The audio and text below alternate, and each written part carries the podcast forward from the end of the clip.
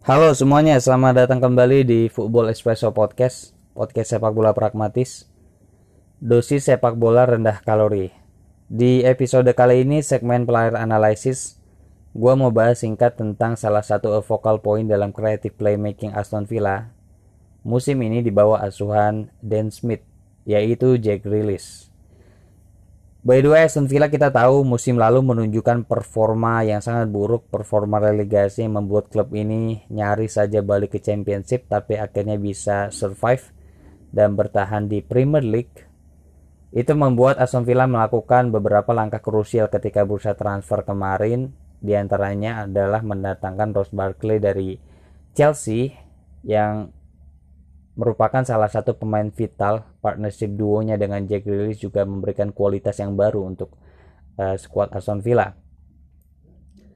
Nah terkait dengan As, uh, Jack Grealish ini ya selalu dikaitkan dengan Manchester United ketika bursa transfer kemarin di musim panas sampai sekarang yang Januari karena isu tentang Pogba juga di akhir Desember mulai merebak karena statement dari agennya Mino Raiola yang itu juga sebenarnya agak sulit dipercaya gitu.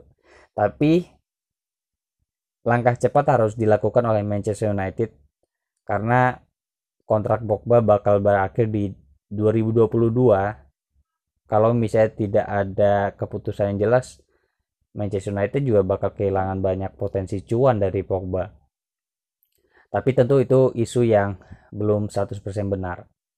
Nah, terkait penggantinya, seandainya Pogba benar-benar pergi dari Manchester United, banyak sekali opsi, tetapi di antaranya yang terbaik adalah Jack Grealish. Itu perkataan Rio Ferdinand. Bagi dia, Jack Grealish my man katanya. Kalau ditanya tentang masa depan Pogba.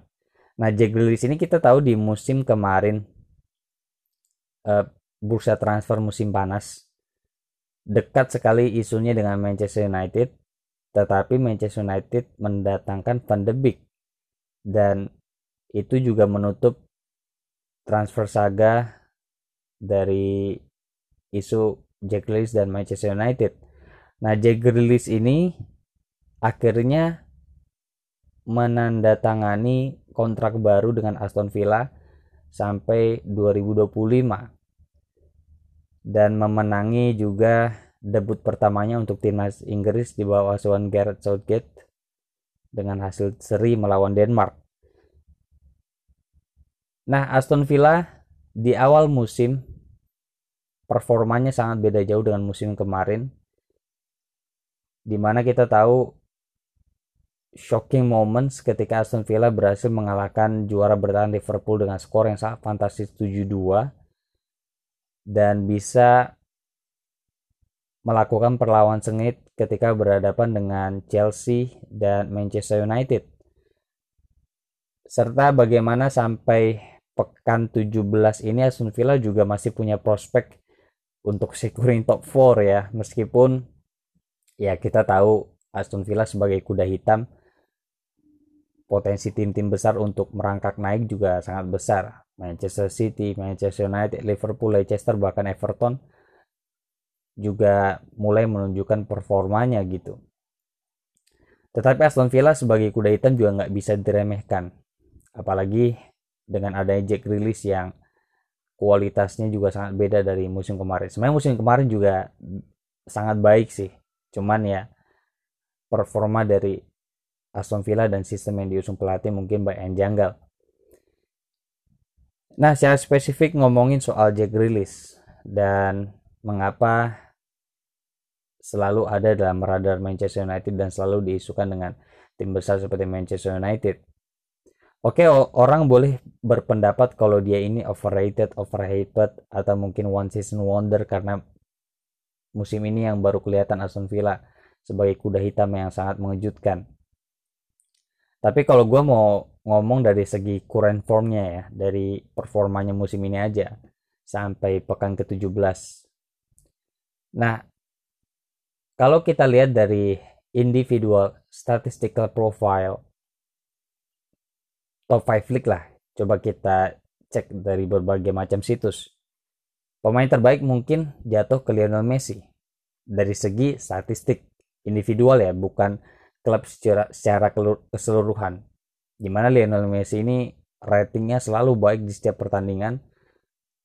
Meskipun produktivitas gol dan assist oke okay lah itu jadi pertimbangan yang lain. Tetapi playmaking stylenya membuat Lionel Messi menjadi salah satu pemain yang uh, punya rating sangat tinggi gitu dan terbaik di top 5 league. Nah, kalau di Liga Inggris dari segi individual statistical profile. Dari yang gue baca mungkin tiga pemain yang tersorot atau selalu adalah setidaknya dalam uh, top statistik profile gitu. Yang pertama Harry Kane di Tottenham Hotspur. Kita tahu performanya juga sangat baik. Dan role-nya meskipun berubah jadi the playmaking striker di bawah asuhan Jose Mourinho. Justru itu malah menambah kualitasnya. Selain sebagai uh, providing assist untuk Son Heung-min dia juga tetap punya kualitas sebagai lethal finisher di lini penyerangan Tottenham Hotspur. Yang kedua ada Bruno Fernandes di Manchester United sebagai focal point kreativitas dalam Manchester United dan sensational performance sebagai attacking midfielder. Gol dan kontribusinya juga unreal itu membuat Bruno Fernandes punya statistik atau rating yang sangat tinggi dari segi performance meskipun di beberapa kesempatan sebenarnya ada apps and down-nya nih Bruno Fernandes tetapi yang menariknya adalah magical formnya ini selalu membuat Bruno Fernandes at least berkontribusi untuk Manchester United meskipun dari segi permainan secara keseluruhan kadang-kadang juga lagi buruk banget. Nah yang ketiga ini ada Jack Grealish. Individual statistiknya menunjukkan dia salah satu pemain yang selalu konsisten dari segi performa untuk beberapa kali pertandingan Aston Villa. Bahkan ketika Aston Villa juga menelan kekalahan nah gue mau langsung aja secara spesifik tentang Jack Grealish. Jack Grealish merupakan pemain yang versatil dan kemampuan versatil ini yalah yang sebenarnya diidamkan banyak pelatih. Jadi segi versatility kenapa itu selalu didamkan banyak pelatih? Karena ketika harus survive di berbagai macam kompetisi dan mengalami pemain-pemain yang punya isu cedera kebugaran habis itu pemain yang kehilangan performa. Pemain versatil yang konsisten itu selalu dibutuhkan karena rotasi dan sebagainya. Nah, Jack Grealish ketika Dan Smith Aston Villa ini ingin bermain lebih bertahan, low block atau medium block, Jack Grealish bisa jadi central midfielder yang lebih fokus untuk intercept dari segi pertahanan. Tetapi kalau biasanya Jack Grealish main sebagai attacking midfielder yang lebih wider ke kiri dan posisi yang paling bisa memaksimalkan kualitas Jack Grealish menurut gua itu sayap kiri sebagai left winger. Nah, Jack Grealish ini di usianya yang ke-25 menurut gua masih punya prospek jangka panjang. Punya kualitas unik juga di usianya yang masih prima bisa menunjukkan performa yang sangat apik di beberapa pertandingan sebagai sayap kiri kecepatannya juga sangat baik dan dia pemain yang suka cutting inside ke tengah dan sangat suka untuk memanfaatkan central lens di Aston Villa. Nah, dribblingnya kita tahu juga Jack Grealish punya kualitas dribbling yang nggak terlalu buruk tetapi di liga ini ranknya top 5 lah untuk dari segi dribbling. Tinggal bagaimana dribblingnya ini bisa sesuai dengan sistem Dan Smith. Karena dribbling juga sangat dibutuhkan dalam sistem untuk menarik center back atau pemain pemain-pemain ke arah tertentu sehingga bisa menciptakan ruang buat yang lain. Nah, key pass-nya, habis itu passing-nya, itu juga menunjukkan bahwa Jack Grealish salah satu pemain yang sangat berbahaya untuk lini pertahanan lawan. Ketika berhadapan dengan Manchester United, banyak sekali key pass atau uh, umpan pendeknya yang itu menurut gua sangat berbahaya sekali. Dan di pertandingan tersebut back-back seperti Eric Bailey, Eric uh, Bailey habis itu Aroma Bisaka kebetulan bisa menghadang uh, performa Jack Grealish. Nah dari segi uh, offensive duel, high pressing atau untuk agresi di lini penyerangan Jack Grealish sangat baik. Cuman ketika untuk balik ke garis uh, halfway line tim sendiri untuk bertahan, jelas defensif kontribusinya sangat kurang. Tapi secara keseluruhan memang Jack Grealish menunjukkan kalau dia e, merupakan salah satu pemain modern dan bisa beradaptasi dengan taktik modern. Nah, memang di squad Aston Villa ini banyak sih pemain yang underrated ya.